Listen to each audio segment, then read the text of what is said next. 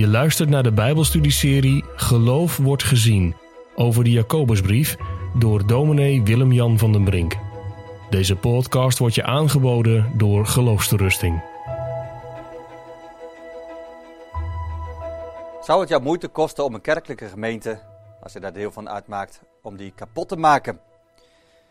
Dat is helemaal niet moeilijk als jij je tong daarvoor laat gebruiken, krijg je dat echt wel voor elkaar.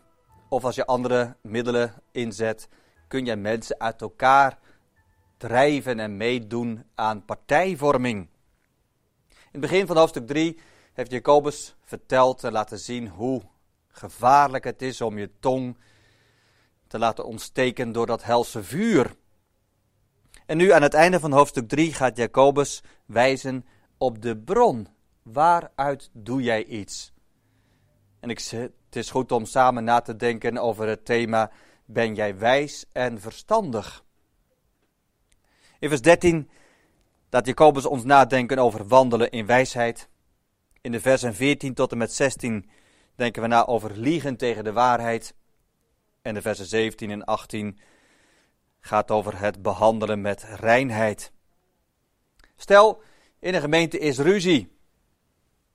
Mensen mogen elkaar niet meer en wat gebeurt er als los zand valt zo'n gemeente uit elkaar? Hoe komt dat? Er is wantrouwen tegenover elkaar. En Jacobus wijst op die dieper liggende oorzaak, er is een gebrek aan wijsheid. Kijk, we zijn allemaal in staat om die fouten van de anderen als het ware uit te vergroten. En te zeggen, ja, maar dit heb jij verkeerd gedaan of dat heb jij verkeerd gedaan. Dat is helemaal niet moeilijk.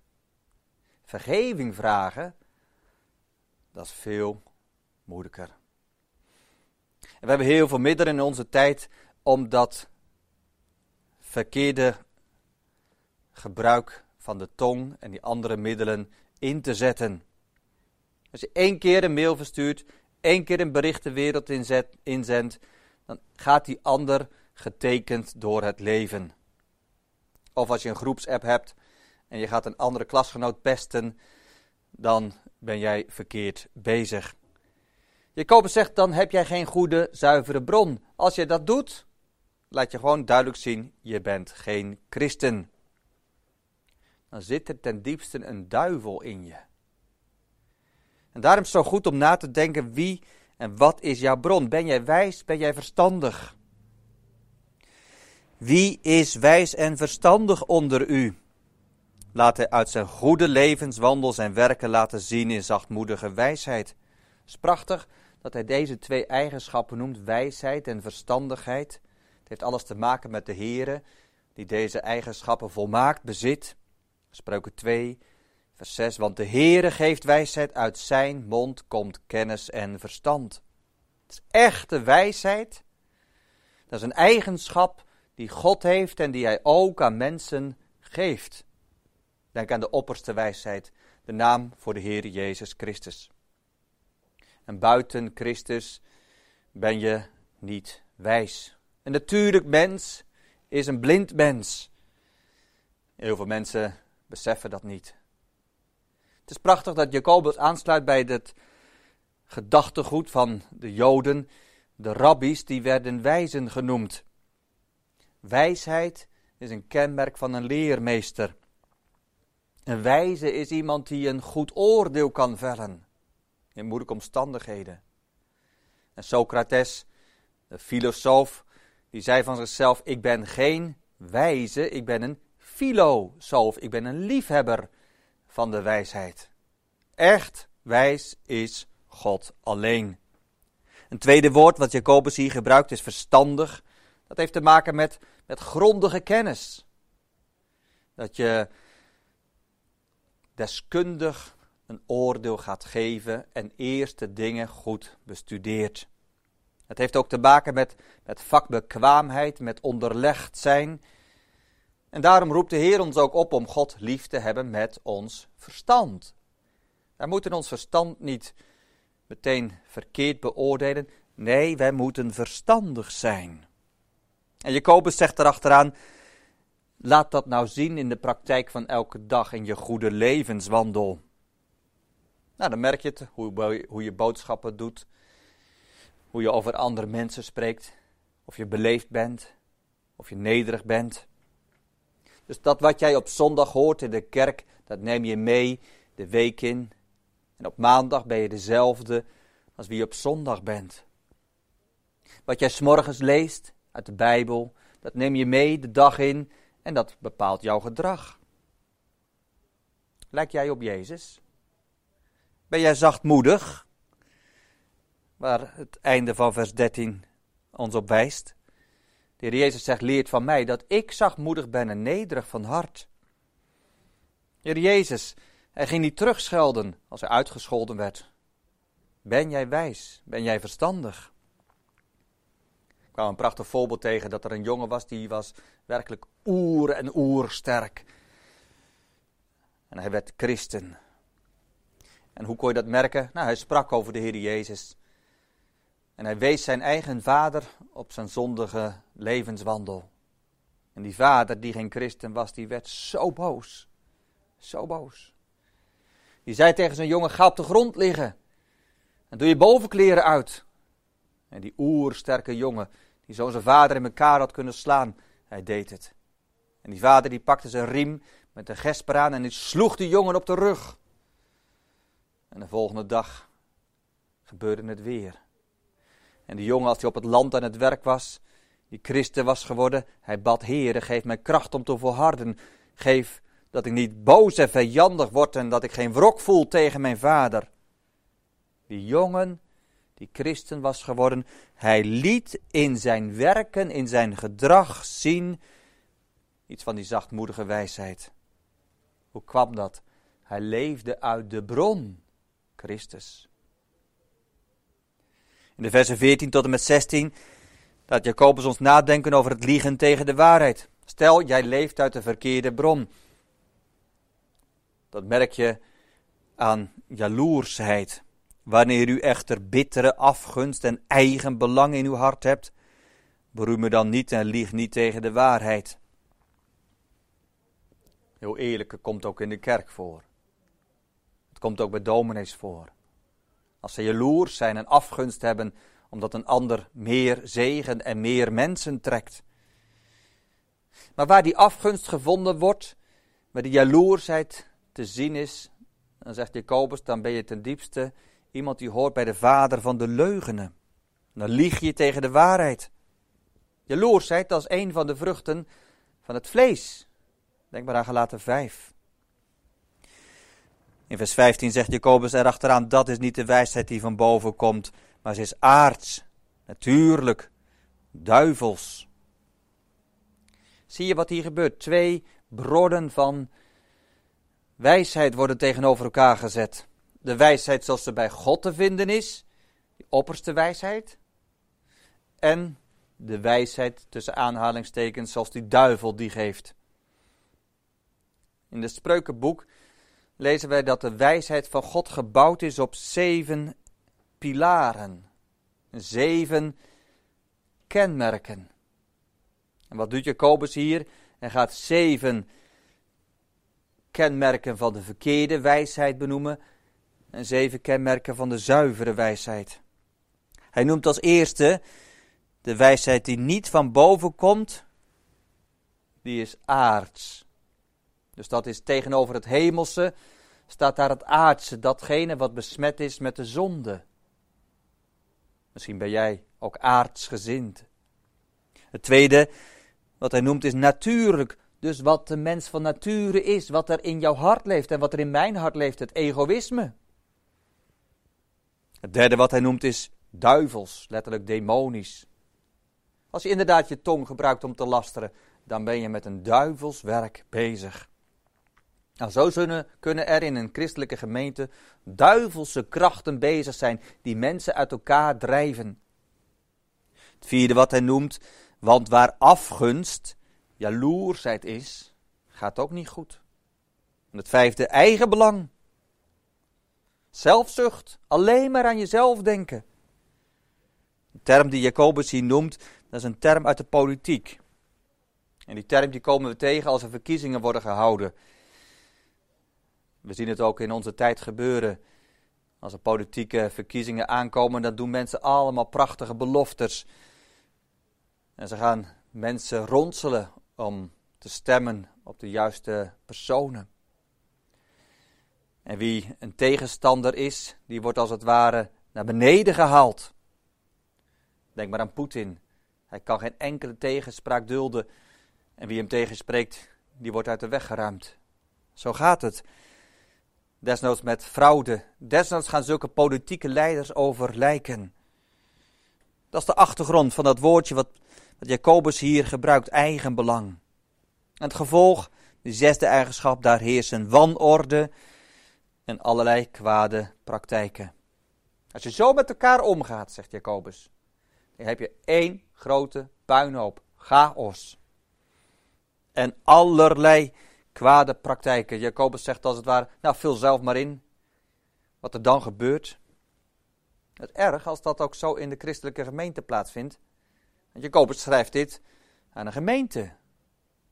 Dat er oorlog is in de kerk. Waar de duivel de baas is en waar mensen de roddels geloven en grif die giftige woorden inslikken. Jacobus wil jou waarschuwen, doe daar nooit aan mee. Als jij zo bezig bent, dan laat je zien dat jij gevoed wordt vanuit de hel. En je komt bij God niet in de hemel. In de christelijke gemeente mag de brandlucht van, van dood en hel niet hangen. Maar in de christelijke gemeente moet de geur van de hemel te ruiken zijn.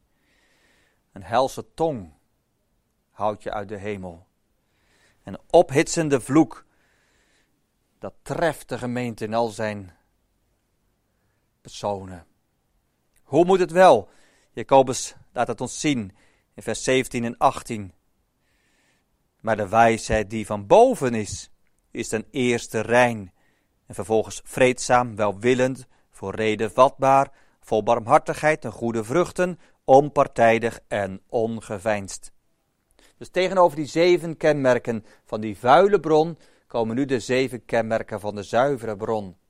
Jacobus zegt, voor alles, ten eerste, rein. Het gaat erom dat jouw hart rein is ten opzichte van God.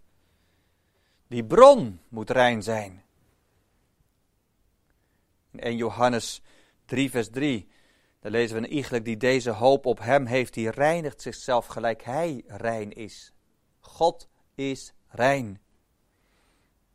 Ik weet dat heel veel mensen, die proberen eerst zichzelf op te knappen aan de buitenkant. Dit mag niet en dat mag niet. En God zegt, je moet aan de binnenkant beginnen. Van binnen moet jouw hart rein zijn. En je weet het, het bloed van Jezus Christus, dat reinigt van alle zonden. Zalig, zegt de Heer Jezus, zijn de reinen van hart. Zij zullen God zien. Is jouw hart rein? Zien andere mensen aan jou dat jij zo'n vredestichter bent? Whitefield, die bekende prediker, die schreef ooit een brief aan Wesley. En die twee mannen waren het niet in alles met elkaar eens. En Whitefield liet het ook duidelijk weten in zijn brief, waarin hij van mening verschilde met Wesley. Weet je wat hij schrijft aan het einde van deze brief? Ik heb u lief en eer u om zijns naams wil. Wanneer ik word geoordeeld, zal ik u voor mensen en engelen danken voor wat u, onder God, voor mijn ziel gedaan hebt. Mooi hè? Hij dankt God voor het goede wat hij in Wesley ziet. Nou, dat is nou oog hebben voor het goede. En dat is ook die eerste vrucht die Jacobus hier noemt. Eerst dat reine hart en dan die zeven kenmerken. Vreedzaam. Dat je de vrede op het oog hebt met die ander. Tweede eigenschap die hier genoemd wordt is welwillend. Dat je dus vriendelijk bent en het beste ziet in de ander. Een voorbeeld, er was iemand een keer die dronken in de trein zat. En die tegenover zich een dokter in de trein had zitten. En elke keer bood die dronken man die sterke drank aan aan die dokter. Hij had het drie keer gedaan en plotseling, toen besefte hij hoe raar hij bezig was. En hij zei het eerlijk tegen die dokter, u zult wel denken dat ik een beest ben. Weet je wat die dokter zei tegen die dronken man? ik vind dat u heel gul bent. Mooi voorbeeld. Dat hij toch het beste in de ander wilde zien. Derde kenmerk wat, wat Jacobus noemt is voor reden vatbaar. Heel belangrijk. Dat je open staat voor wat die ander zegt. Ik geloof dat we dat ook juist in de reformatorische kerken zo nodig hebben. We zijn er zo goed in om elkaar vanuit, vanuit een loopgraaf te beschieten. En wij houden onze stellingen in stand. Wij zijn niet voor reden vatbaar. Wij luisteren zo slecht naar elkaar. Jacobus zegt, de wijsheid die van boven komt, die laat zich gezeggen. Die luistert naar wat de ander echt zegt. Spreukendichter zegt dat er inderdaad ook luie mensen zijn. Een luiaard is in zijn eigen ogen wijzer dan zeven mensen die een verstandig weerwoord geven. Ik weet het, er zijn mensen die, die zo star zijn als zeven andere mensen iets tegen hem zeggen, zeggen ze: Nee, ik trek me er niks van aan. Ik heb gewoon gelijk. Maar dat is niet de wijsheid die van boven is. Misschien heb je ook wel allerlei mensen om je heen. Zit je in commissies, in kringwerk, in organisaties. Ik zou je graag een advies willen geven. Luister, wees voor reden vatbaar en zorg ervoor dat je je eigen mening met argumenten kan onderbouwen. En was dan het kenmerk vol barmhartigheid, het vierde, wat Jacobus noemt. Dat je klaar staat om de ander te helpen. Denk aan de werken van de barmhartigheid in Matthäus 25. Dat je gewoon bereid bent om mensen die jou nodig hebben bij te staan. Dat je oog hebt voor de hongerigen en oog hebt voor de gevangenen. Vijfde, de goede vruchten. Zijn in jouw leven deze goede vruchten te zien? Ben jij de beste buurman voor je buren? Het zesde wat Jacobus noemt is onpartijdig. Dat betekent hoor en wederhoor toepassen. Dus niet op voorhand partij kiezen, maar eerst de zaken nauwkeurig onderzoeken. Dus openstaan voor de mening van een ander. Het laatste wat Jacobus noemt is ongeveinsd. Dus niet, niet schijnheilig zijn, niet dat masker ophouden, nee, eerlijk zijn. Dat je jezelf eerst laat reinigen door de bron van de opperste wijsheid. Kijk, en als naar deze zeven eigenschappen die Jacobus hier opsomt gaan bloeien, dan gaat er iets moois gebeuren. In de gezinnen, in de kerk, in scholen, in verenigingen, in de familie. Kijk, dan komt daar die eenheid vanuit Christus. En zo sluit Jacobus hoofdstuk 3 af. En de vrucht van de gerechtigheid wordt in vrede gezaaid voor hen die vrede stichten. Dus dat betekent dat je je inzet voor de vrede. Misschien lig jij ook wel met iemand overhoop. Jacobus zegt, dat moet vandaag goed gaan maken.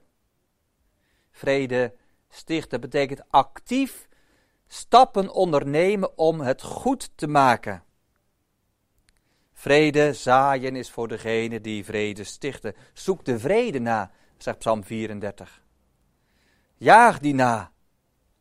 Kijk, als je dat gedaan hebt, en dan pas kun je zeggen wat Paulus zegt. Indien het mogelijk is, zoveel in u is, houd vrede met alle mensen. Wreek jezelf niet. Heb je alle middelen gebruikt om die vrede te zoeken? Heb je er alles aan gedaan om vrede te stichten? Jaag de vrede na met allen. En de heiligmaking zonder welke niemand de Heere kan zien. Als jij niet uit bent op vrede, kun je straks de Heere niet zien. Dat is de boodschap die Jacobus ons meegeeft. Wat is jouw bron? Ben je wijs? Ben jij verstandig?